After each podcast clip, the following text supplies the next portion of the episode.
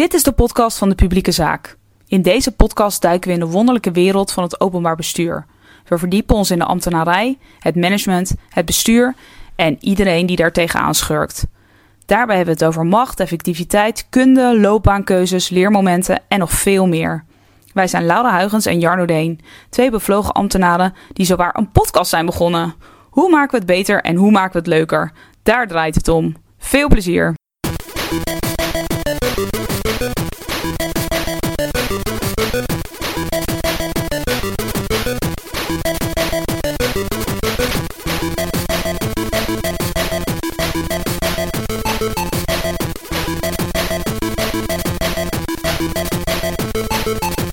Vandaag praten we met Jeroen Haan. Jeroen is dagelijks bestuurder bij het Hoogheemraadschap van Rijnland. Een waterschap dus.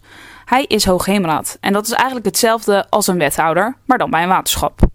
Daarnaast is hij ook programmamanager participatie bij de gemeente Haarlemmermeer. In dit leuke gesprek praten we over het organiseren van betrokkenheid en medezeggenschap, over het volgen van je intuïtie en het dansen tussen de schalen. Wij vonden het een superleuk gesprek met Jeroen. Heel veel plezier, over naar de podcast.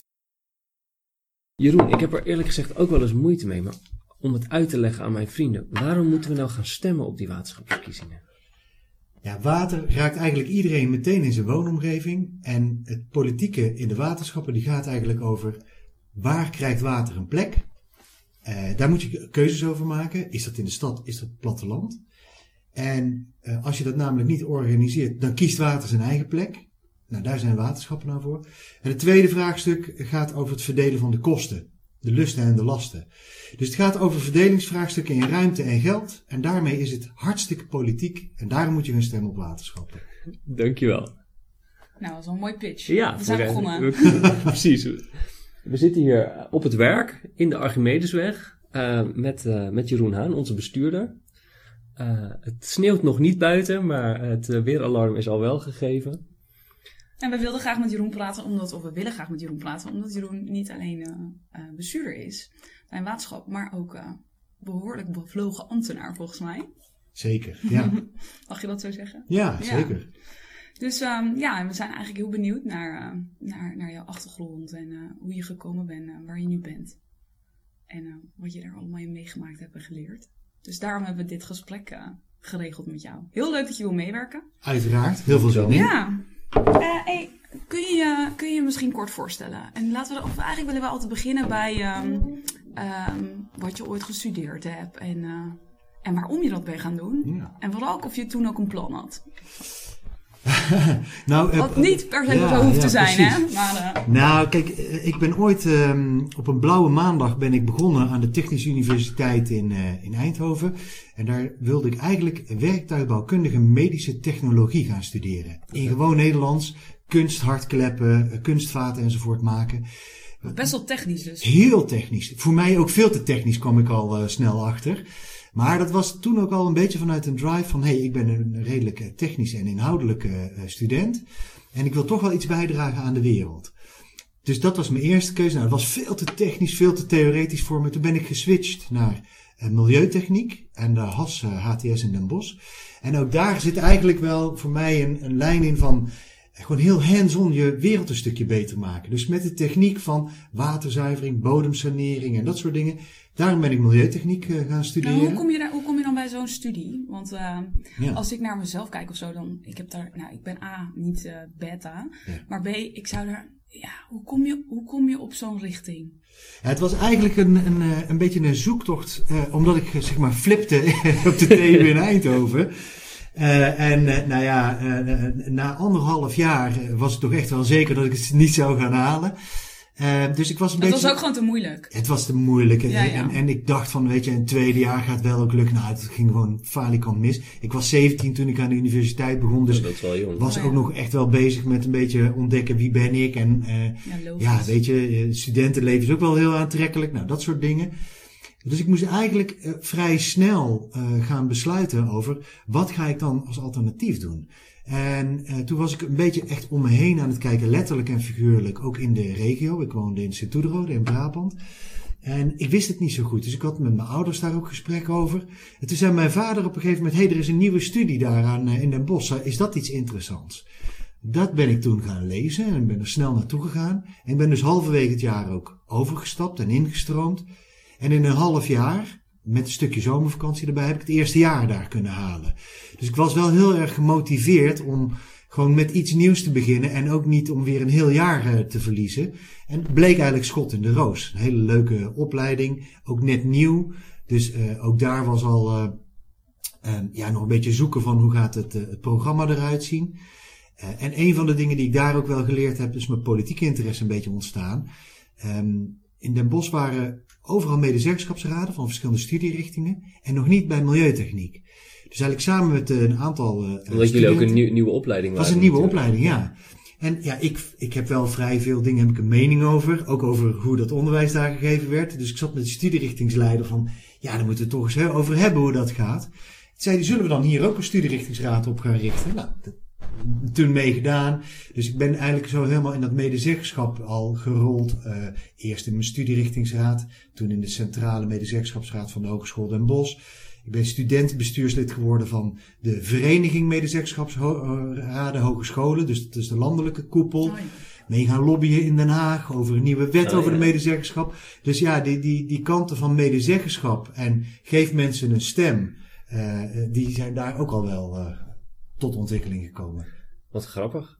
Want je, daar heb je uiteindelijk voor een deel ook wel je werk van gemaakt, toch? Van het, het, uh, het een bijdrage leveren aan de medezeggenschap. Ja, ja dus, dus medezeggenschap, democratie, of je dat nou in de organisaties doet of met inwoners in de buitenwereld. Maar eigenlijk geef alle belangen een stem en laat mensen uh, meepraten in plaats van dat andere mensen voor ze praten.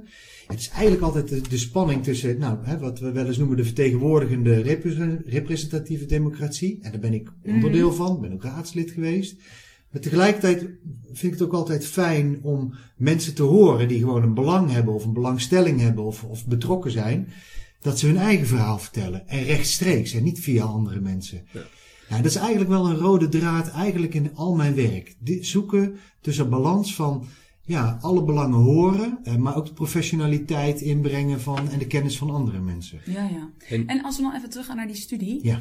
Um, was je dan, want het klinkt ook dan alsof je ook heel druk was met allerlei dingen ernaast. Ja. Werd dat op een gegeven moment dan ook belangrijker dan je studie?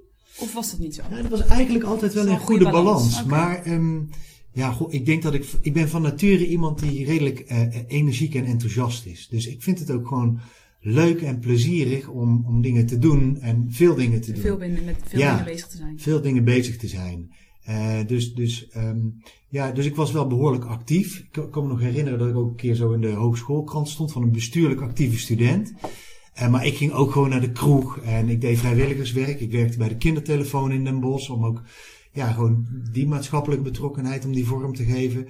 Dus ja, uh, maar ik oh, ging... want je werkte bij de kindertelefoon. Dat is dan even, even maar dat is op zich best wel fascinerend dat je, dat je er toen al met dat soort dingen bezig was. Ja. Of, maar heb je dat heel erg van huis uit meegekregen, dat soort dingen? Of was het ook uh, zo dat je denkt van, oh, uh, goed voor mijn cv. Is goed voor je cv. Want nee, dat kan oh, natuurlijk op een gegeven moment ook. Ja, nou ja, ja dat, ja, dat, meer en, en, ja. ja, maar volgens mij wordt er nu, uh, nou, zeker door, door millennials, wat wij net niet zijn, uh, echt heel erg, ja, weet je wel, hoe kom je aan een baan als je niet, uh, weet je al, al die verschillende dingen en nevenfuncties en vrijwilligerswerk en dat soort dingen hebt gedaan? Ja, nou, ik, ik geloof er zelf heel erg in. En daar heb ik het nu thuis aan onze keukentafel met mijn dochters wel over. Dat, dat als je doet wat je leuk vindt, en dat is ook wel vaak uh, waar je goed in bent. En dan ook af en toe op zoek gaat naar iets vreemds. Wat, wat weer leuk is om jezelf te ontwikkelen. Ik geloof dat dat veel belangrijker is dan, dan inderdaad een plan hebben. Ik heb nog nooit een carrièreplan gehad. Ik heb altijd gedaan, vind ik dit leuk? Brengt dit me iets nieuws? Word ik opnieuw uitgedaagd? En ja, dat heeft me gebracht waar ik nu ben. Tijdens mijn studie had ik nooit bedacht. Eh, later als ik groot ben, word ik hoogheemraad. Uh, maar terugkijkend nu is het eigenlijk wel heel logisch in de weg die ik gewandeld heb, dat ik hier uh, zit. En er zijn toch heel veel van die ervaringen. Dus echt goed kunnen luisteren, oprecht geïnteresseerd zijn, dat leer je wel aan zo'n telefoon. Want anders prik je daar doorheen. Maar voor mij was het iets dat ik zocht naast die harde techniek ook probeer iets te doen voor je omgeving. En dus altijd is dat wel een balans geweest. En, en dat is ook je vraag, heb ik dat van huis uit meegekregen? Ja. Ja, ja mijn, mijn, mijn vader en moeder die hebben allebei een, een sociale achtergrond. Mijn vader was maatschappelijk werker, uh, is ooit zelfs missionaris geweest. Eigenlijk ook heel erg vanuit uh, meer dienen van de gemeenschap dan, dan alleen vanuit de religieuze overtuiging. Ja, echt mensen helpen. Echt mensen helpen. Ja. Um, en mijn moeder die, die heeft uh, um, op een uh, meisjesinternaat gewerkt. In dat heette toen een gezinsvervangend thuis. Dus met uh, mensen met fysieke en, en um, mentale beperkingen. Dus dat zat er wel heel erg in. En ook de gesprekken aan de keukentafel met mijn ouders en mijn broer, die gingen hier wel over van, hé, hey, wat speelt er in de wereld en wat kan je zelf doen? Ja, ja hoe kun je een steentje bijdragen? Ja. Want je bent, uh, je bent nu voor, uh, binnen Rijnland ben je voor de PvdA, ben je, ben je algemeenraad. Kom je dan ook uit een rood nest? Waren jouw ouders dan ook uh, politiek actief? Of was het meer het sociaal bewogen wat je... Ja, echt het sociaal bewogen. En... Um, bij mij is dat, dat politieke eigenlijk ontstaan door te kijken van nou waar kan je nou ook echt zelf invloed hebben. En dat gaat voor een heel groot deel gaat het dus over gewoon één op één gesprekken. Mensen die je aankijkt of inderdaad aan zo'n telefoon. Uh, dat is nog steeds wat me heel erg drijft. Daarom ben ik ook echt van de lokale democratie. En tegelijkertijd uh, kan je als bestuurder kan je ook wel echt um, ontwikkelingen in gang zetten. Dus ik ben verantwoordelijk voor de waterketen. Nou, dat is allemaal hartstikke pure techniek. Hè? Waterzuiveringen, rioleringen. En daar worden niet heel veel mensen in de buitenwereld meteen enthousiast van. Maar als je het nou hebt over hoe gaan we die verduurzamen, hoe gaan we daar energie uit terugwinnen en grondstoffen uit terughalen, dan is dat weer een extra laag die erop zet, waar mijn persoonlijke ambitie en de taken van het waterschap komen weer heel mooi samen. Ja. En dan moet je mensen in de buitenwereld enthousiast maken die die energie nodig hebben. Ja, daar geloof ik heel erg in. Dus als ik dat soort stapjes kan bijdragen als bestuurder, dan zijn we weer toch terug in gewoon een klein eenvoudig stapje waar ik hoop mijn steentje in bij te dragen. Ja, leuk. Ja, zeker. hey, en je bent, uh, je, je, klinkt als een hele drukke studietijd. Uh, uh, en ook gewoon in Brabant, dus dat zal ook gezellig geweest zijn. zeker. um, wat, wat heb je na je studie gedaan? Ik ben mijn eerste baan Um, en dat duurde eventjes voordat ik uh, qua sollicitaties op gang kwam. Maar toen kon ik kiezen uit de twee banen. En één was in uh, Maastricht, in het gouvernement. Dus dat is de provincie Limburg. En toen dacht ik, ja, dat is wel gaaf. En Maastricht, een leuke stad. maar wel ver van de rest van Nederland. En ik was toen al actief in Niet Niks. En dat was heel veel in, in Amsterdam. Dat was een vernieuwingsbeweging binnen de PvdA. En die andere baan waar ik uit kon kiezen was bij het Hoogheemraadschap van Rijnland. Daar kon ik ambtenaar worden. Dus ik ben gewoon in deze organisatie, ben ik met lang haar en een oorbel, ben ik als ambtenaar... Ik wist wel dat je hier gewerkt had, maar ik wist niet dat, uh, dat het je eerste baan ja, was. Ja, oh, ja. Dus ik heb uh, gewoon onder, onder de deskundige uh, en, en hardnekkige begeleiding van Pieter de Boy, heb ik gewoon baggerwerken ontworpen, natuurvriendelijke oevers nog getekend met pennen en dat soort dingen. Ehm, dus ja, dat, dat was mijn eerste kennismaking met de waterschap. Wat grappig, want Pieter de Boy werkt nog steeds bij Rijnland en hij is een van onze um, ja, meest senioren projectmanagers. Oudgediende. Oudgediende. Ja. Maar je bent nu, uh, ik, hij doet nu ook projecten voor jou uh, Zeker. als, als bestuurder. Is dat nog, was dat nog raar in het begin? Ja, heel erg. Want ik, Pieter is echt, echt voor mij een leermeester geweest die, uh, die mij uh, en in het diepe heeft gegooid, maar wel met de haak klaar stond om me op te vissen. Dus ik kreeg echt een dik pak dossier en hij zei, ga maar uitzoeken wat er aan de hand is en ga maar uitzoeken wat er moet gebeuren.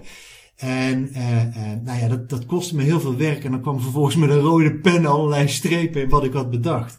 Maar hij heeft mij dus geleerd om daar zelf over na te denken, om een eigen strategie te volgen. Uh, maar wel daar richting in mee te geven. Dus hij is voor mij echt een, een belangrijke leermeester geweest. Um, en tegelijkertijd hebben wij daar ook zoveel respect voor elkaar opgebouwd. Dat we nu, daar hebben we het wel echt even over gehad toen ik hier bestuurder werd. Ja, maar we werken nog steeds heel plezierig samen. Ja. En dat is omdat er volgens mij, en ook, ook iets wat ik heel belangrijk vind, we hebben respect voor elkaar. Zonder dat we ontzag hebben voor elkaars positie. Dus, dus het gaat veel meer over ook hoe ga je vanuit je eigen rol en verantwoordelijkheid met elkaar om. Collegiaal, met respect. Maar je hebt een andere verantwoordelijkheid en daar hebben we elkaar prima weer in weten vinden. Grappig. Ja. Hey, kun je iets over die. Uh, want je was toen je. In je studietijd ben je dus wel actief geworden voor de PvdA. Ja, eigenlijk was het toen een, een vernieuwingsbeweging, niet niks. Uh, Felix Rottenberg was toen voorzitter van de PvdA. En Lennart Boy en Erik van Brugge waren toen twee jonge gasten. die eigenlijk gewoon een hoop reuring rond die partijen wilden organiseren. Dus wij hebben debatten georganiseerd. Ik heb ooit nog een, een debat zelf mogen leiden tussen Pim Fortuyn en Maarten van Rossum. Uh, we hadden future festivals waar we in het land, in Nijmegen en, en in Tilburg, met uh, Jan Hamming, uh, die nu burgemeester is van Zaanstad, hadden we gewoon muziek, cabaret, debatten. Um, en dat was gewoon ontzettend leuk. en ook politiek. Ja. Dus, dus het was vooral die combinatie waar we mensen mee op de been kregen. Maar hoe, hoe heb je, had je gewoon aangemeld voor die beweging? Of was je van, woonde je toen al in Amsterdam? Nee, nee, nee. Ik, heb, ik was, omdat ik uh, zeg maar actief was in, uh, in eh, Den Bosch um, en, en, in die medezeggenschapsraden, ben ik me op een gegeven moment ook uh, um, met de Landelijke Studentenvakbond ah. actief geworden. Oh, ja. alleen in Den Bosch heb je alleen maar HBO en dat, dat waren toen alleen universitaire leden. Maar goed, dat heeft mij er niet van weerhouden om toch gewoon contact te zoeken. En um, we hebben nog eens een keer, um, toen was ik ook uh, lid van het actiecomité wat de hogeschool bezet heeft. In, in al die protesten die er toen waren. En daar hebben we heel erg met elkaar opgetrokken. En zo ben ik eigenlijk in dat wereldje terechtgekomen. En ook, ja, dan via via kom je bij zo'n vernieuwingsbeweging terecht. Wat leuk. Ja. Wat grappig. Ik heb nog in um, mijn afstudeerscriptie uh, uh, bij, bij de Universiteit Twente ging over de wet modernisering universiteit, universiteitsbestuur. Over de, over van de, van de, nou, maakt het niet uit, dat veel te veel, maar het ging ook over die medezeggenschap. Ja. Um, en al die veranderingen die daarin hebben plaatsgevonden. Het was inderdaad in de jaren negentig was dat ja. best een, een groot ding binnen, binnen de ja, wereld van het hoger onderwijs. Nou, kijk, voor mij is het, was het toen al wel heel logisch dat onderwijs wordt genoten door studenten en gegeven door docenten. Het kan niet zo zijn volgens mij dat als je het hebt over wat is nou goed onderwijs, dat er dan niet een gesprek tussen die twee groepen is. En of dat nou medezeggenschap heet, of dat dat, weet je, de vorm interesseert mij nooit zo. Maar dat gesprek, dat goede gesprek, dat moet er wel mogelijk zijn. Want bij universiteiten was er echt medebestuur. Hè? Dat was hoe het in de jaren zeventig uh, uh, is opgezet. Was het bij hogescholen dan wezenlijk anders? Nou, kijk, de, het heette toen meer medezeggenschap en de docentengeleding had wel formele uh, meer rechten over bepaalde dingen. En terecht ook, hè, als het gaat over arbeidstijden en allemaal dat soort dingen. Maar nogmaals, de, de, de, de, de structuur en de, en de rechten en plichten die interesseren me nooit zo, maar wel dat het gesprek erover plaatsvindt. Ja, en dat, dat vond wel ook echt op een goede manier plek. En niet plaats toen in Den Bosch. Ja. ja, grappig. Hoe lang heb je bij Rijnland gewerkt? Redelijk kort. Dat was uh, uh, ongeveer 2,5 jaar. Nou ja, maar dat was op zich ook het is je eerste baan. Hè? Ja. Dus dat is meestal. Ja. Volgens mij gebeurt dat vaak. En toen heb ik daarna heb ik de overstap gemaakt naar. Uh, toen heette dat Oranjewoud, inmiddels Centric. Toen heb ik nog veel voor uh, Rijnland wel ook gewerkt, omdat we waterbodemonderzoek enzovoort deden we, deed Oranjewoud uh, toen. Uh, maar toen werkte ik ook voor, voor andere klanten. En later heb ik nog een stap gemaakt, ben ik leidinggevende geworden bij de Straat Milieuadviseurs. Later Sincera en toen opgekocht door MWH. Maar ook daar deden we werk in waterkwaliteitsonderzoek en ook bakkerwerken, voorbereiding enzovoort voor, voor Rijnland. Ja, dus heel erg eigenlijk nog steeds wel in de water, ja. beetje technische ja. hoek. Ja, en, ik heb toen zelf nog een keer een klus gedaan, ook als adviseur. Um, uh, het uh, waterplan voor de Haarlemmermeer moest worden opgesteld en dat liep niet zo lekker. Dus daar uh, heb ik als projectleider vanuit Rijnland heb ik daarin gewerkt. En het is heel grappig, want ook daarin, ik ben natuurlijk nu ook ambtenaar bij de gemeente Haarlemmermeer voor de programmamanager voor de participatie. Dus ja, je ziet dat er een hoop lijntjes weer zo samenkomen in mijn uh, ja, huidige werk. Er zitten een hoop loopjes in, ja. ja. Hé, hey, maar de, wat heeft jou dus... Uh, op een gegeven moment ben je dus van adviseur... Ja. Uh, ben je leidinggevende geworden bij een ander type... bij, bij een ander bedrijf. Wat, wat heeft voor jou de... Wat waren voor jou de redenen om die stap te maken? Nou, eigenlijk uh, dat ik um, ja, wat ik daar straks al zei, ik ben zelf altijd wel proberen te kijken van, kan ik mezelf nog ontwikkelen? En uh, toen kwam er een keer een headhunter uh, naar me toe. Uh, dus ik werkte bij Oranjewoud en ik was daar ook al verbreed van waterbodem naar bodem. Ik was communicatietrainingen gaan geven. Ik deed vrij veel van de interne trainingen bij Oranjewoud en heel programma opgezet. Toen dacht ik, ja, het is ook wel weer leuk om een volgende stap te maken. Er kwam een headhunter en die zei, we zoeken iemand die leidinggevende wil worden. Uh, maar wel ook uh, voeling houden met het werkveld. Ja. En dat vond ik een hele interessante combinatie. Het, is, het, is, het is ergens een gekke stap om, uh, tenminste, eh, Ja. nu hoor je vaak dat je, het is beter, je wordt niet zomaar ergens anders leidinggevende. Nee. Je wordt, vaak, je wordt ga- vaak leidinggevende in je eigen organisatie en vervolgens kun je de stap naar een andere organisatie maken. Ja, ja. Ja, dat je, dat je wordt aangenomen als nieuw leidinggevende in een nieuwe Ja. organisatie. Maar misschien was het ook in een andere tijd. Nou, er was Dat, toen, dat eh, misschien ook. Ja, nou, er was toen in ieder geval, eh, eh, waren bij de straat, eh, eh, waren ze op zoek naar en inhoudelijke projectleiders en naar teamleiders. En eh, eh, nou, ik was helemaal niet van plan om weg te gaan. Eh, ik had het heel erg naar mijn zin bij Oranjewoud. Ehm, maar do- doordat die vraag komt, ga je er wel over Ja, nadenken. ja. En dat is eigenlijk wat er toen, eh, toen gebeurde. Ja. En toen dacht ik, nou, laat ik daar eens het gesprek aan gaan. Ik was toen 30 en ik kwam in een team waar ook veel mensen veel ouder waren, veel ervarener waren. Dus ik moest toen heel erg na gaan denken, joh, wat is nou mijn toegevoegde waarde als leidinggevende? En dat is eigenlijk wat ik ook in mijn opleiding wel voor een groot deel geleerd heb. Om heel veel mensen met verschillende achtergronden, die niet allemaal dezelfde taal spreken, om die toch tot een team te vormen. Dat dacht ik, ja, dat lijkt me wel heel erg leuk, kijken of ik dat kan. En eh, nou, dat eh, werkte eigenlijk, in ieder geval voor mij werkt het heel goed. Een aantal van die mensen uit dat team, die kom ik ook weer tegen. Eh, dus er zijn collega's nu bij Rijnland, waar ik ooit teamleider van geweest Oh, ja. ben. Dus dat is ook Oh, heel grappig. grappig. Hé, hey, maar op een gegeven moment heb jij de stap van, eh, heb jij, eh, ben je op, voor een andere inhoud gegaan? Ben je verder weg van de techniek gegaan? Ja, ja. Hoe is dat? eh, Nou, dat was eh, eh, eigenlijk ook in die tijd bij de straat. En dat, toen was ik nog heel veel met de techniek bezig, maar toen kwamen we ook meer met opdrachten in aanraking, bijvoorbeeld voor het ministerie. En die vroegen dan, hoe zit het nou, eh, eh, wat voor mogelijkheden zijn er in- binnen de kaderrichtlijn water om eh, eh, te vertragen of om eh, doelverlaging te doen. En dat leek een heel juridische klus, maar dat was eigenlijk heel politiek. Want die afweging van hoeveel doe je nou eraan en welke inzet doen we, maar ook hoe ga je verantwoorden wat je wel en niet gerealiseerd krijgt. dat vond ik ook wel heel interessant. Dus daar heb ik toen ook van gezegd, joh, ik wil dit project ook zelf als projectleider doen. Want dan hou ik ook weer voeling met en die inhoud en dat soort processen. Ehm, ik was inmiddels ook gemeenteraadslid in Zoeterwoude.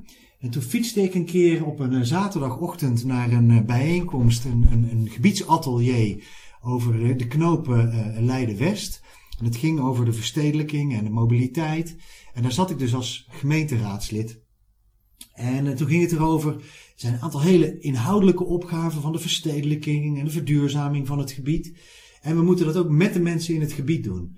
En het bureau van Riek Bakker, BVR, die deed die inhoud van het atelier. En de Beuk Organisatieadvies, die deed de communicatie-participatie. En ik weet het nog, het was een, prachtige zomerdag en ik fietste terug. En ik kwam thuis en ik zei tegen Helene, tegen mijn vrouw, ik zeg, bij die twee bureaus ga ik praten. En ik denk dat ik bij een van die twee ga werken. Omdat ik dacht van, ik wil eigenlijk ook daar weer een stap, iets meer naar die maatschappelijke opgaven, naar die gebieden. Eh, meer dat, dat politieke, de communicatie, die participatie. Nou, ik ben ook echt bij allebei gaan praten. En ik heb toen gekozen voor de beuk. En ben dus organisatieadviseur geworden. Om iets meer met die maatschappelijke opgave en die, die, dat grotere context eh, mee aan de slag te gaan. Maar was je, toen, was je toen al op zoek naar iets nieuws? Of Nee, was het ook echt niet. een soort sparkje die daar ja, was, plaatsvond? ja, dat was echt letterlijk de, de, de, de, de, de, de sparking van de zon op de fiets, eh, op de fiets terug. Dat ik dacht, goh, dit is eigenlijk eh, wel... Is eh, echt een inzicht. Ja, maar wel, kijk, ik, ik, wist wel inmiddels eh, dat ik eh, leidinggeven leuk vond. Eh, ik, ik was van teamleider, afdelingshoofd geworden, productgroepmanager. En ja, weet je, dan ga je daar carrière in maken. Maar dat, was, dat vond ik heel erg leuk. Maar het was niet dat ik dacht van nou, daar, daar haal ik nou het meeste voldoening uit. Het zit toch voor mij echt steeds aan die maatschappelijke kant. Dus ik wilde ook daar wel weer, dan zat ik na te denken, hé, hey, hoe kan ik iets meer aan die kant gaan leunen? en, en hoe reageerde je vrouw daarop? Ja, die kent mij inmiddels eh, eh, goed genoeg en toen ook al wel. Die weet gewoon, ja, eh, je moet mij gewoon daar de ruimte in laten. En dat doet zij heel erg. Eh, dus die had zoiets, dit zal ook wel weer goed komen. Dat blijkt elke keer zo best eh, te werken. Dus die, die lacht dan een keer en we hebben het erover. En eh, nee, die steunt me daar heel erg in. Ja, wat grappig. Want je hebt, eh, eh, je hebt ook je hebt twee dochters, heb heb ik dat goed onthouden? Ja, klopt. Hoe, hoe oud zijn ze? Iris is 16 en Marit is 14. Ah, dus je zit in een spannende periode qua, eh, qua leeftijd. Ja.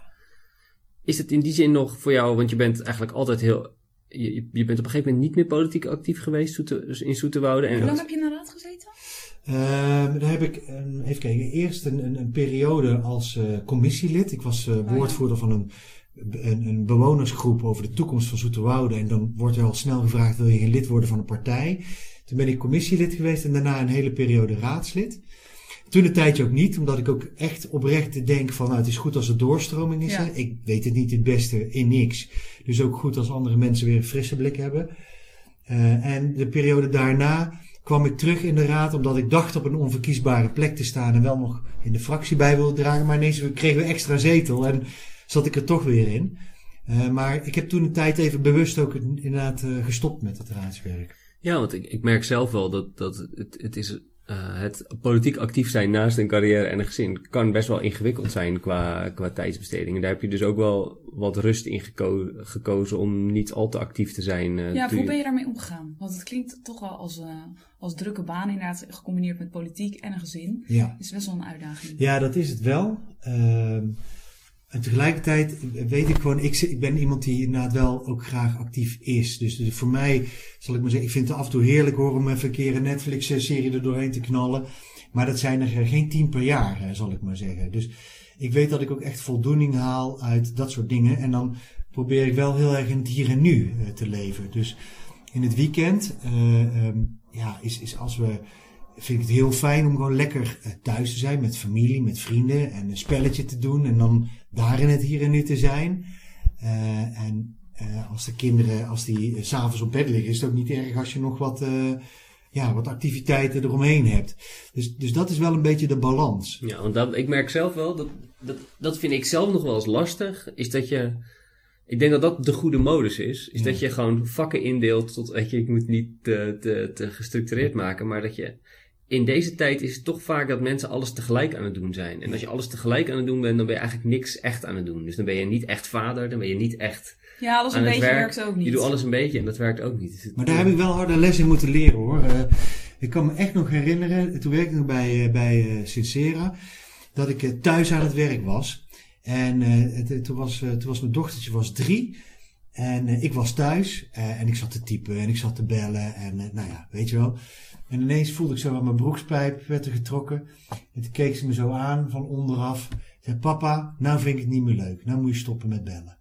En die ging zo door eh, eh, eh, merg en been heen. Ja, die kwam echt binnen. Die kwam echt binnen dat ik dacht, ja, ik ben er wel, maar ik ben er helemaal niet voor haar. Ja. Dus toen heb ik me dat beter gerealiseerd. En ik ga nog de fout in. Tuurlijk. Ik geef het Tuurlijk, mee. ja, maar ik geef het toe. Oké, ja. Maar, maar dat, he- dat heeft Ja. me wel geleerd om inderdaad meer in het hier en nu te zijn.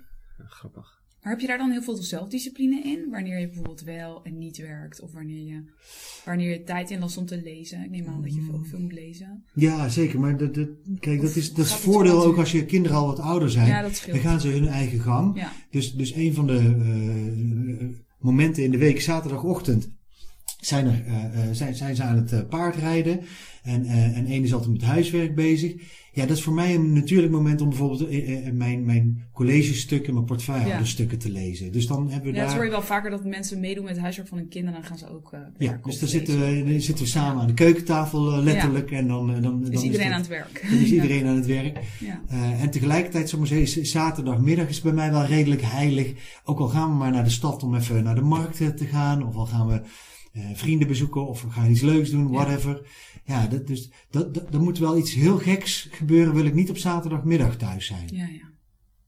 Nou, heel goed. En op een gegeven moment ben je, ben je, eh, ben je ook ben je niet meer als raadslid actief geweest, maar ben je ook als eh, algemeen bestuurslid voor de, voor de waterschappen gegaan. Ja. Hoe, ben je, hoe, ben je, hoe heb je die switch, ben je tot die switch gekomen? Was er een plekje vrij bij, eh, bij Rijnland of is het vanuit de, de ambitie om die ruimtelijke componenten, eh, eh, zoals je En, ja, net en ja, en het klinkt wel alsof je elke keer ook natuurlijk de hele tijd toch wel in het wereldje. Ja, Ja, ook al ben je, je bent natuurlijk meer organisatieadvies gaan doen. Maar, ja zeker, zeker. Nee, maar, toch. Dat, dat, dat was, de, dat was eigenlijk de switch. Dat de waterschappen die gingen van eh, besturen met, eh, eh, die op personen gekozen werden. ging naar naar, lijsten. ook naar lijsten. En eh, toen ging de PvdA weer meedoen. Ja, toen begon eigenlijk mijn bloed wel weer te kriebelen. Van het, het, is ook, het, waterschap is ook de plek waar ik in woon. En eh, daar hebben we natuurlijk gewoon eh, en een inhoudelijke en een politieke verbondenheid mee. Dus toen dacht ik, joh, laat ik gewoon eens gaan schrijven daarop en kijken of ik als algemeen bestuurslid wilde, daarin kan komen. Toen werkte ik net bij de Beuk.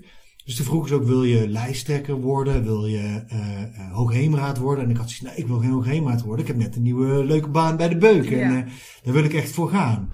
Dus, maar ik werd toen wel lijsttrekker, omdat, um, ja, ze zeiden van je kan gewoon in, normaal Nederlands uitleggen waar die waterschappen voor zijn. En, en je hebt ook verstand van de inhoud. Dus dat vinden we een fijne combinatie. Nou, dat heeft voor mij goed gewerkt. Dus toen werd uh, Thea de Roos werd, uh, hoogheemraad. En ik werd uh, fractievoorzitter in het algemeen bestuur.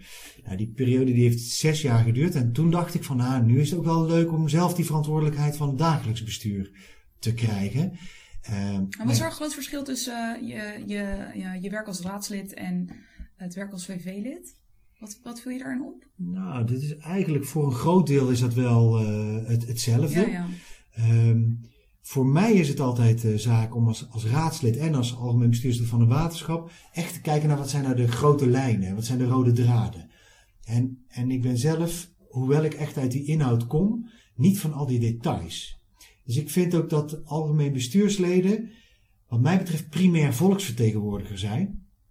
En ik, ik heb zelf wel ook geworsteld en anderen zien worstelen met die stukken stromen, weet je, alles willen lezen, controlerende taken, de begrotingen uitvogelen.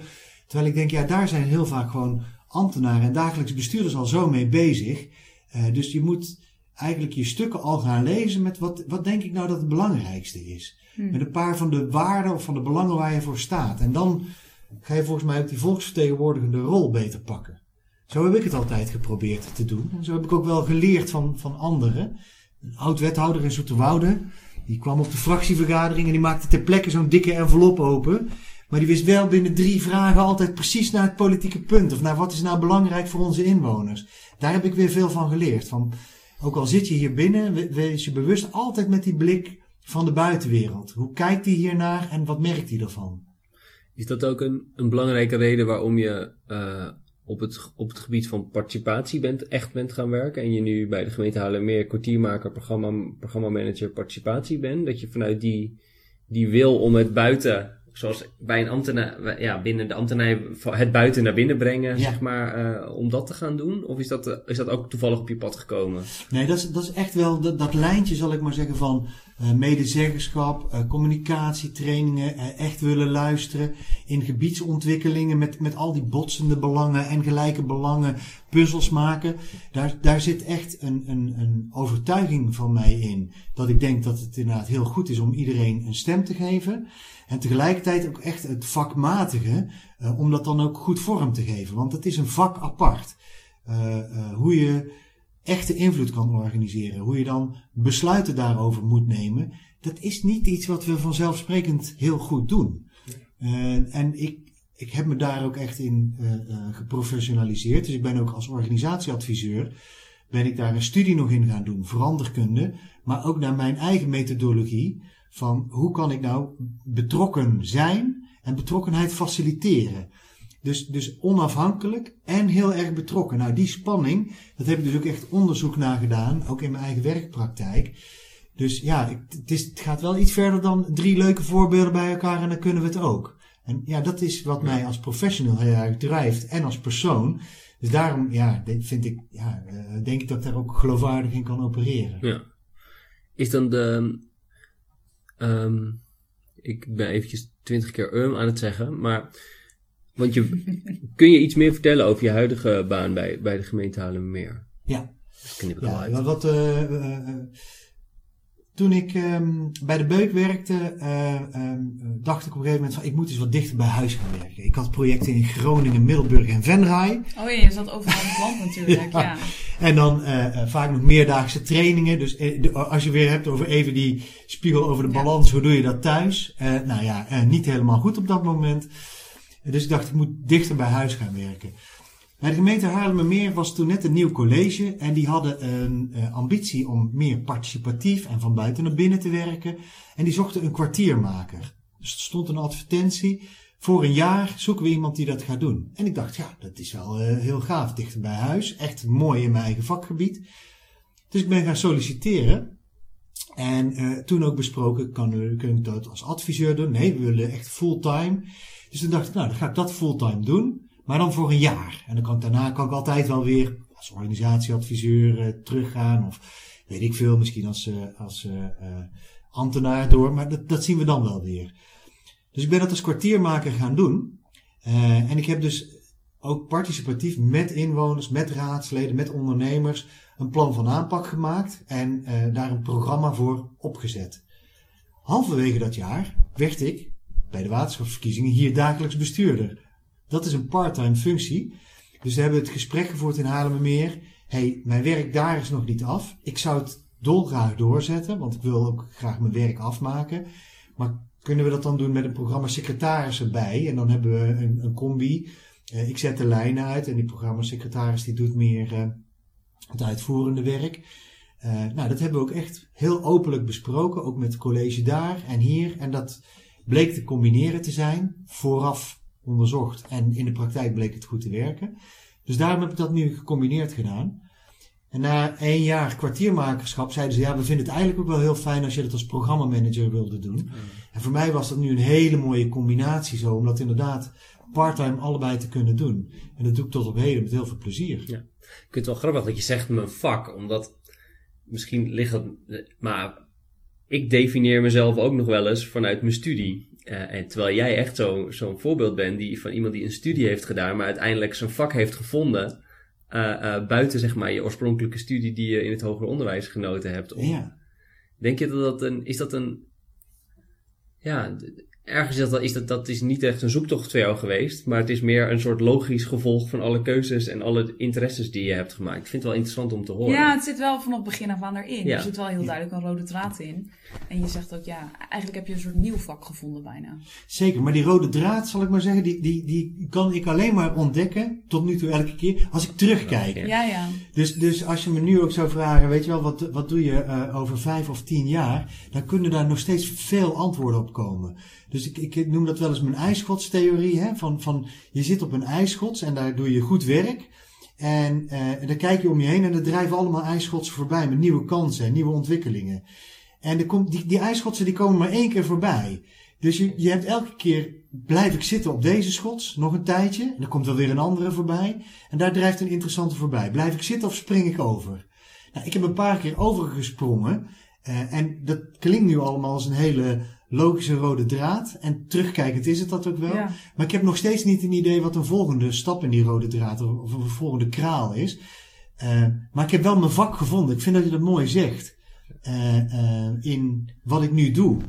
en voor mij is het ook heel logisch. Maar ik heb nooit gedacht, oh dan moet ik nu dit en dan dat. Dus dat is, dat is meer intuïtief en gewoon met de kansen meebewogen dan. dus de zoektocht die herken ik, maar niet als zoekend en, en, en tragisch, maar gewoon meer um, ervarend en, en ontdekkend. ontdekkend. En ja, het is een En je kansen benutten die langskomen. Ja. Nee, maar en, het is... en wat ik wel mooi vind, is dat je, dat je, dat je zegt dat je, dat je op die intuïtie gaat.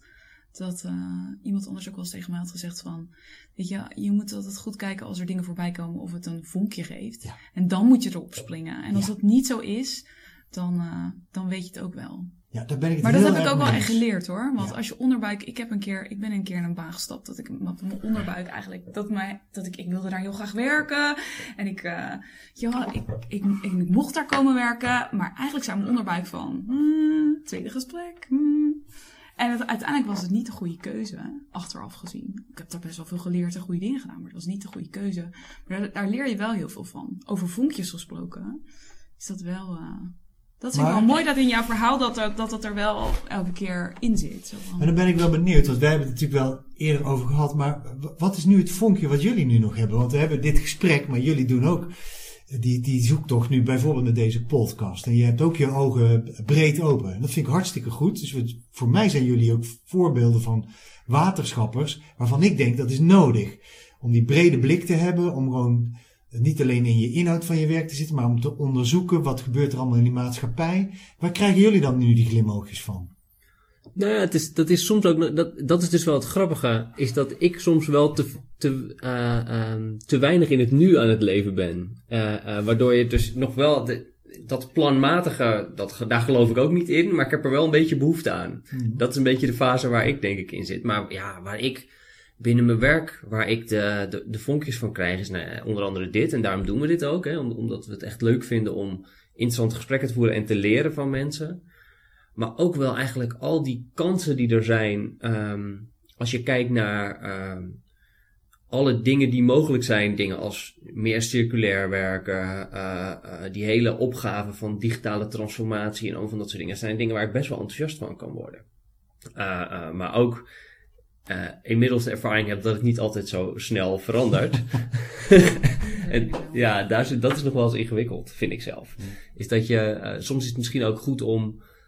eh, ik heb gelukkig steeds in mijn werk altijd iets anders kunnen doen. Ik ben hier begonnen als, als procesleider. Toen had ik ook echt een vonkje.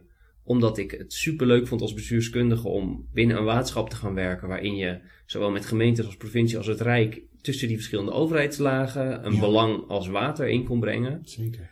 En ik heb, eh, ik heb allerlei verschillende dingen mogen doen. Dus ik heb me enorm kunnen ontwikkelen. Dus ja, in die zin eh, be- ben ik heel erg blij met, het, met alle dingen die ik hier gehad heb. Ja. Nou, ik ben voor een waterschap gaan werken ehm, terwijl ik niks wist van water. Net als jij, Jarno. En eh, ik ben planoloog geograaf van huis uit. En ik heb allerlei echt waterachtige dingen gedaan. eh, met belbesluiten en ehm, onderhoud en weet ik veel maar. Maar ehm, ik had het gevoel dat het niet echt was. En ik heb nu het gevoel dat juist doordat al die maatschappelijke opgaven en de druk op, de, op het fysieke domein die toeneemt. En dat we dat eigenlijk al, hè, klimaatadaptatie, bodemdaling, eh, de verstedelijking, al die, de energietransitie, alles wat we moeten oplossen eh, buiten, gewoon eh, in de ruimte. eh, dat, is, dat is heel erg waar mijn studie over ging. Ja. En het grappige is dat, dat ik altijd dacht van, oh, ik ben niet een typisch sociaal, sociaal, sociaal geograaf, maar dat ik nu, zeg maar, nu ik daar weer aan werk, dat het weer terugkomt en dat de lijn dan ook weer, weer duidelijker wordt. En dat ik eigenlijk echt een soort, dat ik echt super blij kan worden dat ik die studie heb gedaan, omdat het me nu zoveel geeft. Ja. Ehm, en dat het relevanter is dan ooit. Zo voelt het een beetje. Ja, het was altijd al relevant, denk ik, maar zo voelt het af en toe. En daar, ehm, en ik ben echt een generalist en iemand die in de breedte kan denken. En daar kan ik dus heel erg mijn toegevoegde waarde aan leveren. Daar word ik heel blij van. Daar heb ik vonkjes op. Wat ik dan lastig vind is ehm, nou ja, je rol, je positie in organisaties. Mhm. Dus het is wel, ehm, er komt gelukkig steeds meer, meer ruimte voor. Maar ik vind het ook altijd wel moeilijk om, een, om daar een scherp profiel op te profileren. En eh, ja, ehm, en dan ook helder voor ogen te hebben wat een volgende stap zou kunnen zijn. Ja, en Dus daar, ben ik, daar ben ik persoonlijk in aan Zou je, het dat wel, zoeken. zou, je dat, zou je dat willen weten nu al, wat je volgende stap dan is? Nou, ik ben wel een beetje aan het rondkijken. Ja. En, ehm, maar, maar dan zie je dus ook dat ik op heel veel dingen... Ja, ik denk altijd ik zou op heel veel plekken kunnen werken. Zeker. En dat is ook, en dat is ook, dat is op zich een geruststelling. Ja. Maar ik, er is ook nooit ehm, een profiel voor de dingen die ik doe. En ik denk dat het ook een illusie is dat die er zijn, dat weet ik wel. Maar dat is wel af en toe de zoektocht. Wat- ik denk dat jullie wel allebei twee mooie voorbeelden zijn van een bestuurskundige en een sociaal geograaf. Wat dus niet, zal ik maar zeggen, eh, een paar decennia geleden bij een waterschap gevraagd zou worden. Klopt. En is tegelijkertijd waar. is volgens mij precies wat nu heel erg nodig is, zoals jullie er ook over praten. Om dus die bestuurskundige en die, die opgave van buiten, de brede blik, om, om dat inderdaad erbij te houden. Want wij kunnen niet meer een som uitrekenen en zeggen, zo moet u het gaan doen. Wij moeten in gesprek met inderdaad Ja, heel, gemeente, provincie, rijk, eh, eh, ondernemers. het was heel grappig. We hadden een, eh, een bijeenkomst in Boskoop onlangs. Heb ik op mijn LinkedIn ook iets over. Had jij ook nog mooi op gereageerd. Waarbij we een, ehm, eh, waar, waar een enorme eh, bak water is gevallen in een heel korte tijd. Dus dat heeft tot wateroverlast geleid. En toen heeft een van onze, ja, eh, een van onze collega's heeft een geweldig verhaal gehouden over wat er allemaal gebeurd is en hoe we daarmee om zijn gegaan. En dat klopte allemaal. Maar dat is niet, niet wat de mensen daar in de zaal wilden horen. En die zeiden ook, dit, dit kan technisch allemaal zo zijn, maar in de praktijk is het anders. En toen bedacht ik me wel bij mezelf, ah, Jarno, je weet dit ook eigenlijk wel. We moeten zo'n gesprek soms ook anders aangaan. Het, het ging goed, hè? Ik bedoel, Ja. eh, en we hebben ook opgehaald. Dus het was in die zin een hele positieve bijeenkomst. Maar het blijft ingewikkeld om een organisatie als de onze zo'n technische club om daar, om dan het juiste gesprek met ja, buiten die heel te erg op voeren. inhoud zit om dan echt de aansluiting te maken Ja. op buiten. En- En Ja, wat, heb- want jij bent, jij bent dagelijks bestuurder bij Rijnland. Weet je, Ja. hoe, hoe, hoe ga jij daarmee om? Want jij, we, we hebben ons bestuur natuurlijk ook echt nodig als voortrekkers om daar, eh, hè, om, om zo'n groot containerschip, wat zo'n grote organisatie is, om dat een beetje te gaan kantelen. Ja. De, daar, daar zijn de, hè, we hebben bevlogen ambtenaren zoals wij ook nodig, maar ook eh, bestuurders die, daar, die daarvoor gaan. Nou, ik, ik probeer altijd wel een, een beetje door de schalen heen te dansen. Dus, dus de, dan bedoel ik eigenlijk te zeggen van. Ik probeer echt wel een analyse te maken ook. En dat is gewoon redelijk systemisch. En, en, en lezen en, en kijken wat gebeurt er op rijks- en provincieniveau enzovoort. Van, van wa- hoe ontwikkelen die, die opgaven zich nou? En ik probeer dat altijd wel te verbinden naar wat merkt nou een inwoner of ondernemer in de straat daarvan. En die mensen die probeer ik ook op te zoeken zowel, eh, ik zou maar zeggen, de mensen die dus bestuurskundig daar eh, in allerlei concepten over nadenken, wat zijn rollen en overheidssturingen enzovoort, als ook gewoon echt een, een ondernemer, wat jij ook zegt. ehm, ehm, nou, een tijd geleden hebben we met, met eh, twee kwekers gesproken. En de ene was een, een, een jonge vent. En die was beren trots op dat hij zei: ik- al het water wat ik hier in mijn kwekerij gebruik, dat, dat is circulair. Daar haal ik alles weer uit. Dus er gaat eigenlijk niks van mijn meststoffen en niks van mijn eh, eh, bestrijdingsmiddelen gaat naar het riool. Dat kan ik allemaal hergebruiken. En die was daar beren trots op. En dan denk je, dat is gaaf, want dat is goed voor, eh, voor de economie, dat is goed voor de ecologie. Dus, en hij is daarin aan het investeren en is aan het verdiepen. En aan de overkant van de straat letterlijk was een, een, een 60-plusser die geen opvolging had, waar zijn bedrijf oud was, die daar dus niet meer in kon investeren, die ook nog een boterham wilde verdienen. Nou, en, en die combinatie van eh, eh, techniek en, en sociaal, dat mensen gewoon hun brood ook daar moeten kunnen verdienen, eh, maar dat het ook ja, heel erg raakt aan de taken van het waterschap. Dat, daar wil ik me ook in verdiepen. Met die mensen wil ik ook gesprekken voeren. En ik wil dus niet met het vingertje wijzen, jij bent goed en jij bent slecht. Maar wel Het is allebei waar. allebei. Ja, maar dat is, precies. wel, dat is wel een hele interessante waar we het voor de kerst met AG Tellemon ook over hadden. Zo van, het is, er, er is een tendens om iedereen die vernieuwend is en hip is en jonger is en de, hè, ziet dat het circulair moet Ja. en zo, om dat heel erg te omarmen en op voetstuk te plaatsen. Maar wat doen we dan met al die mensen die, die daar niet zo makkelijk in mee kunnen, Ja. die eh, het intellect of het geld of nou, noem het maar op, hè, of de maatschappelijke problemen hebben dat ze daar helemaal niet mee bezig kunnen zijn. Ja. Hoe gaan we daarmee om? Nou, dat is echt, dat, dat vind ik een super relevante vraag voor het waterschap, maar dat zal niet iedereen met me eens zijn. Eh, wat je ziet, en dat vind ik ook wel weer, eh, ik zal maar zeggen, de, de, ja, de gevolgen van, eh, van, eh, van de eh, meer politieke kant van het Ja. waterschap, is dat je ziet dat de taakopvatting van moet je die, eh, ik, ik ga het even heel grof chargeren, moet die smal en, en kosteneffectief zijn? Of, of zie je een bredere maatschappelijke verantwoordelijkheid en draag je daarin bij? Maar dat betekent wel dat je een aantal taken naar je toe haalt. Ja, dat is wel een politieke afweging die, je, die je moet maken. Ehm, ik zet me in voor die tweede lijn, omdat ik er echt in geloof dat als wij ons kunnen verbinden aan die grote maatschappelijke opgaven van klimaat, van energie, van circulariteit, dat we ook oplossingen kunnen gaan vinden voor die individuele teler waar we het net over hebben. En dat, dat die sociale kant is dus niet iets wat erbij komt, maar wat erbij hoort. Ja. Dus eh, als we het hebben over het, eh, in Nederland, even maar weer het grote voorbeeld van een duurzame, toekomstbestendige landbouw, daar geloof ik heel erg in. Dan geloof ik alleen niet dat we dat met de huidige technieken kunnen doen. Maar ik geloof ook niet dat als we tegen de agrariërs zeggen: jullie moeten allemaal om en het gaat verkeerd enzovoort, dat het dan gaat worden. Nee. Zo werkt het niet in Nederland-Polderland.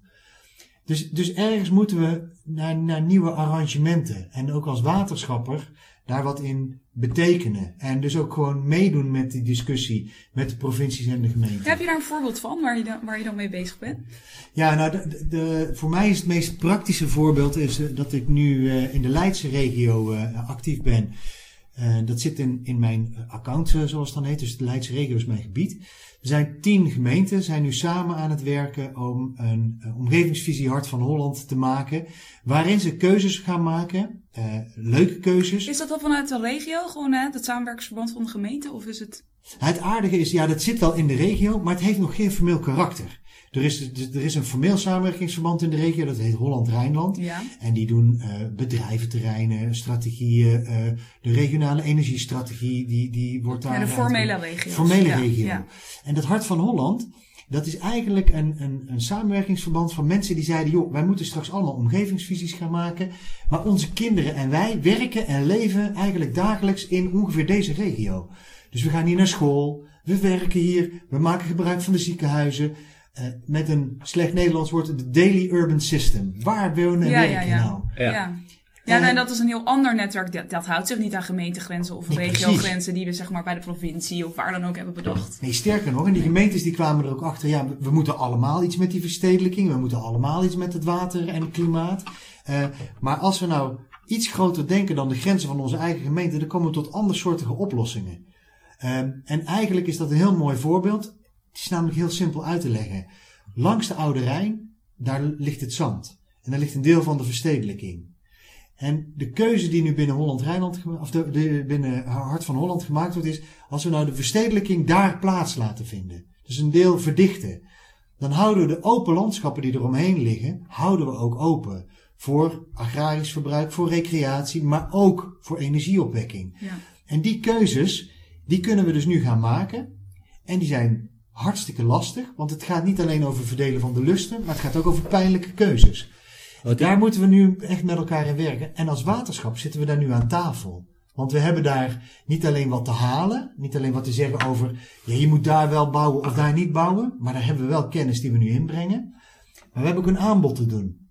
In de warmteopgave, uh, warmte uit oppervlaktewater, warmte uit afvalwater, daar kunnen we ook iets inbrengen. Dus we hebben gewoon een aanbod en een vraag daar tegelijkertijd. Dus we zitten eigenlijk gelijkwaardig nu aan tafel. En dat vind ik een mooi voorbeeld waar, waar dat nu handen en voeten krijgt. Maar Jeroen, ik vind, zo, ik vind dat soort dingen altijd heel goed. Uh, regionale samenwerking.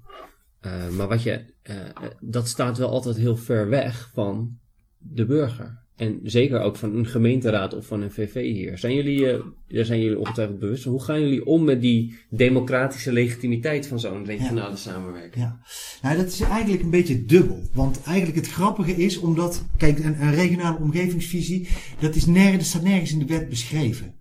Dus dat is een fantastische kans om te zeggen, laten we het nou eerst eens over de inhoud hebben en daarna pas over de hark van de besluitvorming en de legitimatie enzovoort. En dat is wat er dus nu ook gebeurt. Dus heel veel mensen, ambtenaren, inwoners, ondernemers, praten mee. Het wordt wel echt heel breed opgepakt. Jazeker. Het wordt heel breed opgepakt. Die praten mee over wat moet er dan gebeuren en wat kunnen we daaraan bijdragen en wat hebben we nodig. Tegelijkertijd um, is ook, uh, omdat het dus nog niet duidelijk is hoe die raden en ook ons algemeen bestuur, zijn ze wel geïnteresseerd. Dus we zijn ze nu aan het informeren over wat er tot nu toe uh, gebeurd is. Maar we zijn ook aan het nadenken over straks die keuzes en de verdelingsvraagstukken, die weer heel politiek zijn. Daar hebben we nu een traject voor opgezet om met de gemeenteraden en ons algemeen bestuur van het waterschap om ze daarin mee te gaan nemen. Dat gaat zo in maart beginnen en dat loopt dan door naar de zomer.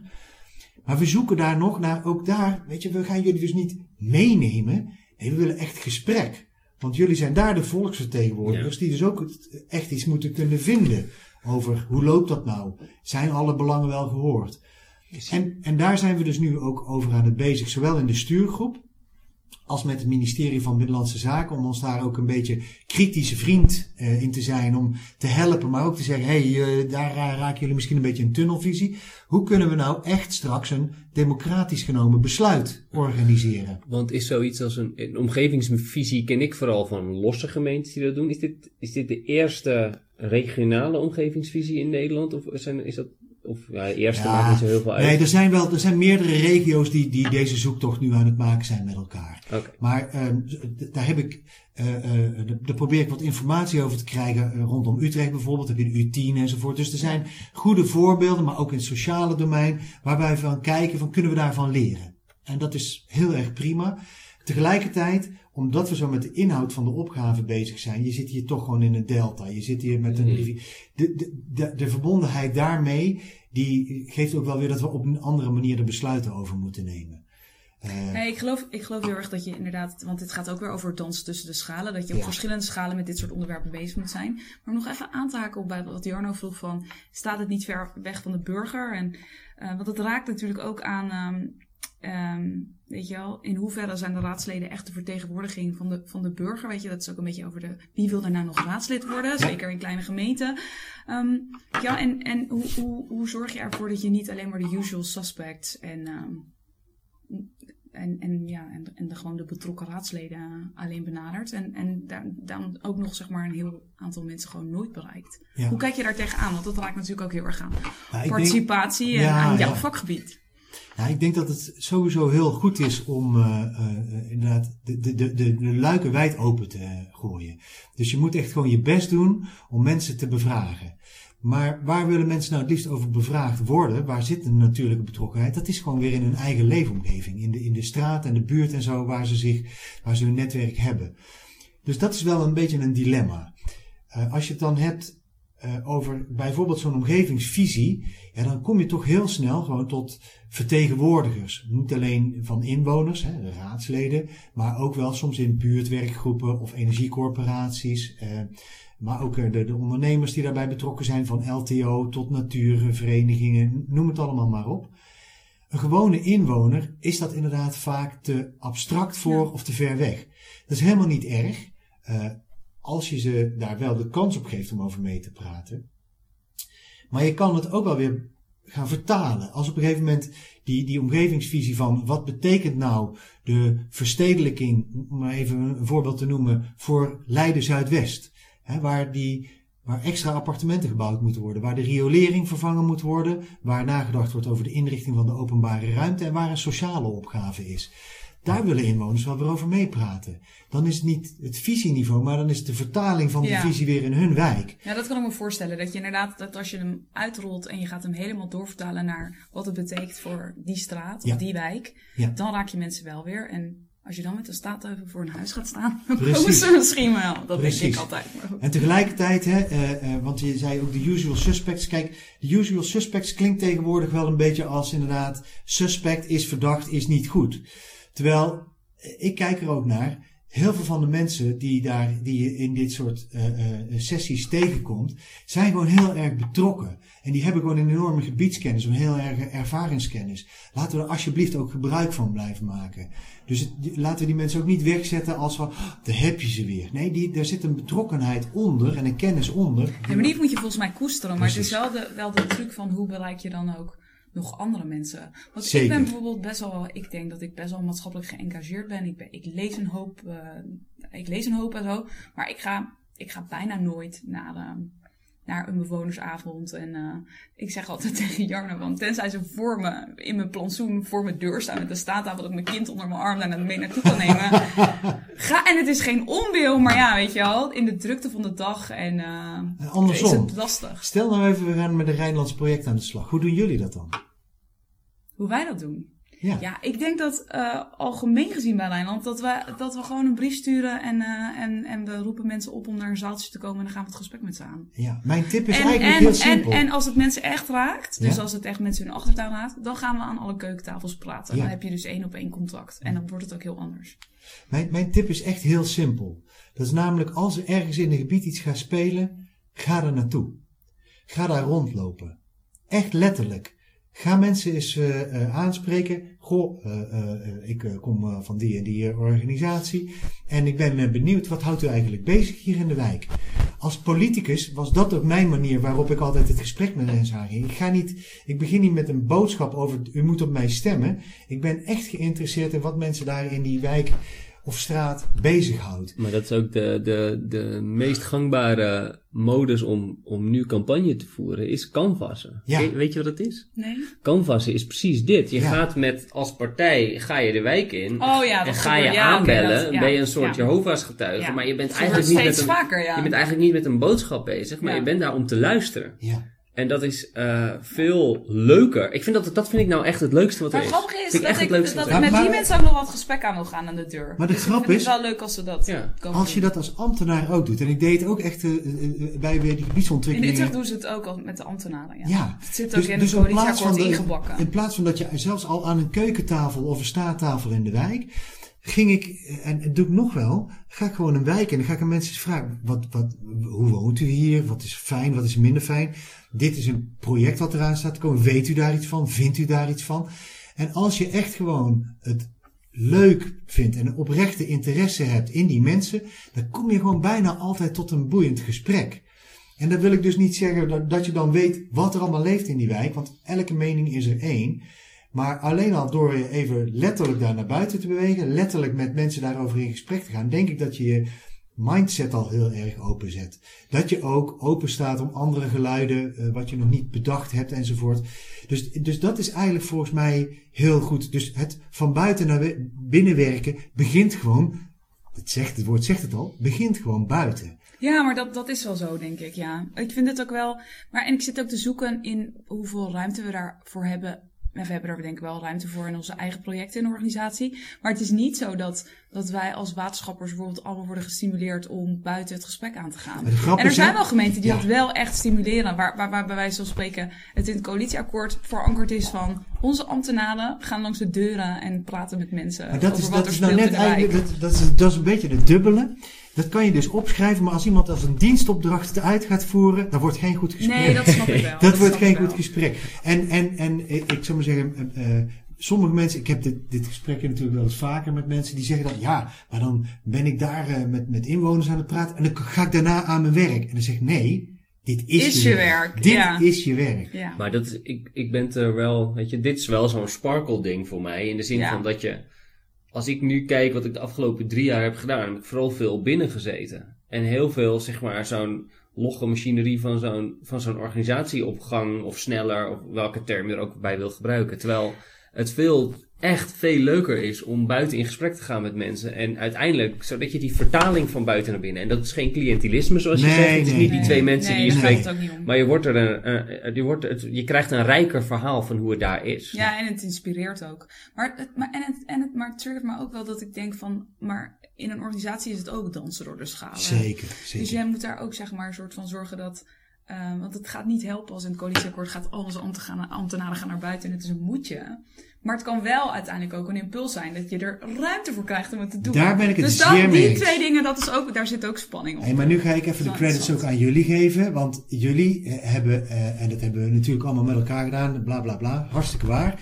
Maar jullie hebben eh, ook gewoon die professionalisering van, het heet bij ons van relatiemanagement en procesmanagement. Maar in de essentie hebben jullie de luiken mee opengezet om daar dus mensen, capaciteit en tijd in je gewone werk, tussen aanhalingstekens, waar we het net over hadden, om dat wel te realiseren. Dus om ook echt inderdaad met gemeentes, met belangenorganisaties, dat in ieder geval al, om daar die gesprekken mee aan te gaan, om op te halen. Wat wij terugkrijgen nu als waterschap is dat gemeentes en andere organisaties we weten nu wie we moeten bellen.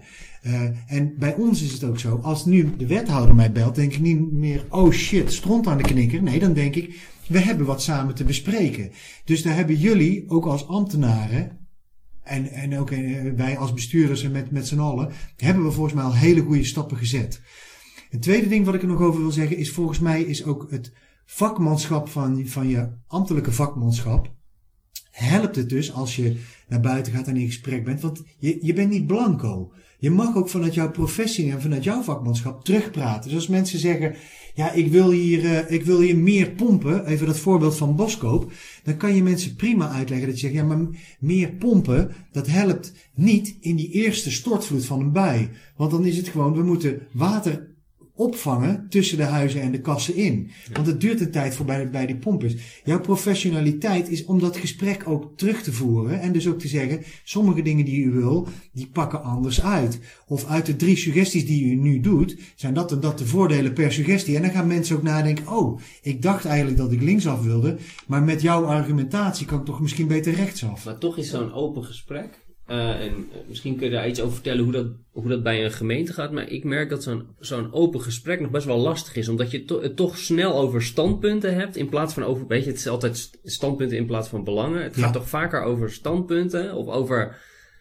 eh, eh, in plaats van een echt goed gesprek gaat het toch vaak, eh, praten mensen toch ook wel langs elkaar heen. Iedereen gooit gewoon alles op tafel. Ja. Dus het is wel, vergt, het eh, vergt ook echt eh, eh, vaardigheden. Zeker. Om zo'n gesprek te kunnen voeren. Zeker. Bedoel ik maar te zeggen. Nou, ik geef maar, ik, ik geef maar twee kleine voorbeeldjes. De ene is dat ik een, met een verkeerskundige erover had. Die, die, die moest een, een, een weg veiliger maken. En bewoners die zeiden, ja, wij willen bloembakken. En die, zei, die, die, die, die verkeerskundige zei, nee, ik heb hier eh, drempels bedacht. Ik zei, maar wat zou er nou, volgens jou, verkeerskundige inzichten, wat zou nou een veilige weg kunnen zijn? Ja, zei hij, dan kunnen we inderdaad met drempels en we kunnen wat met bochten doen en met de manier van parkeren, want dan haal je de snelheid eruit en ja, en met bloembakken. Zei, maar welke werken nou echt? Nou, dan bleken er drie te zijn. En zei, maar de drempels zijn het beste. Zeg, maar als jij nou zegt dat die drie, alle drie goed zijn, mogen dan die inwoners in hun straat misschien bepalen wat voor hun leefomgeving de beste oplossing is. Als het alle drie voldoet aan verkeersveilig. En dan zie je ineens dat er dus een gesprek mogelijk is. Dat er dus echt een beïnvloeding door de inwoner mogelijk is. Die mag meekiezen over hoe zijn straat eruit ziet. Ja. En de verkeerskundige wordt wel op zijn professionaliteit bevraagd. En die kan dus ook adviseren. Ik denk dat drempels het beste is, want of nadelen, voordelen van bloembak enzovoort. Dat is één.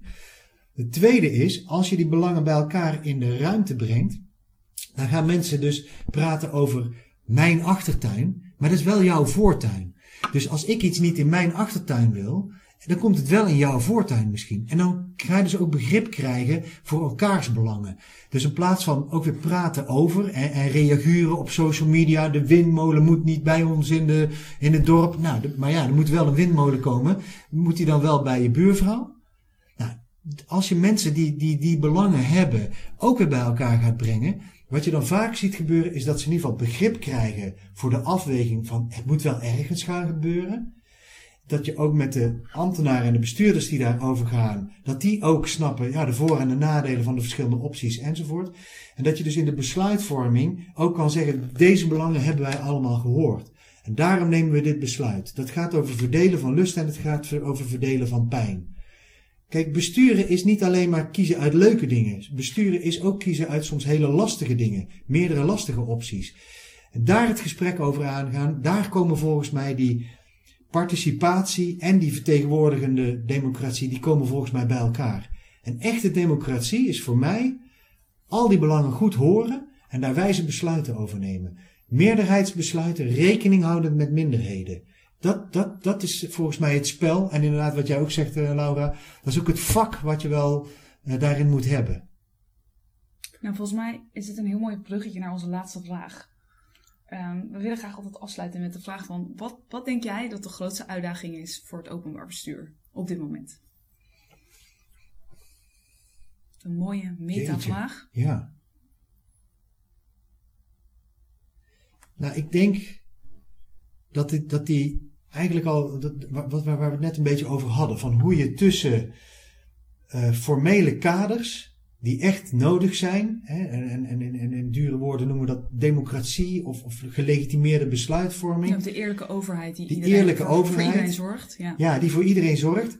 Eh, maar die is aan het verschuiven van gelijke monniken gelijk behandelen naar veel meer maatwerk, veel meer rekening houden met al die belangen. Eh, eh, gelijke oplossingen werken niet in ongelijke situaties. Dus de ongelijkheid toestaan in zo'n rechtmatig systeem.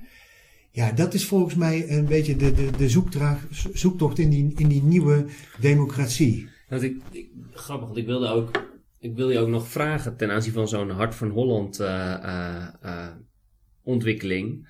Ik zie zelf ook, precies om de reden die jij net stelt, dat je eigenlijk een soort ontwikkeling gaat zien naar meer maatwerk. Ja. Naar meer eh, verschil maken tussen bijvoorbeeld verschillende regio's. Ja. Eh, het, op, het opbossen van een regio omdat een gemeentes.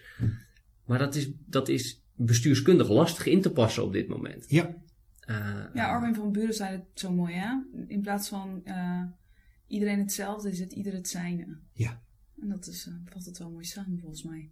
Ja, maar er zit dus wel ook, de, dus, wat Weber ooit bedacht had, eh, de, de bureaucratie is eigenlijk is, is niet zozeer om iedereen per se gelijk te behandelen, maar is ook de bescherming van de individuele inwoner tegen de willekeur die de overheid heeft. En volgens mij zitten we weer precies in, in, dat, in dat scharnier van je wil en mensen uh, een voorspelbare, betrouwbare overheid zijn, maar tegelijkertijd wil je echt in gesprek over dat lokale maatwerk.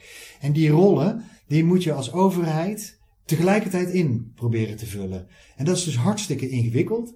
En tegelijkertijd is het natuurlijk een fantastische kans voor mensen als wij om daar gewoon elke keer inderdaad een mooi antwoord op te uh, bedenken.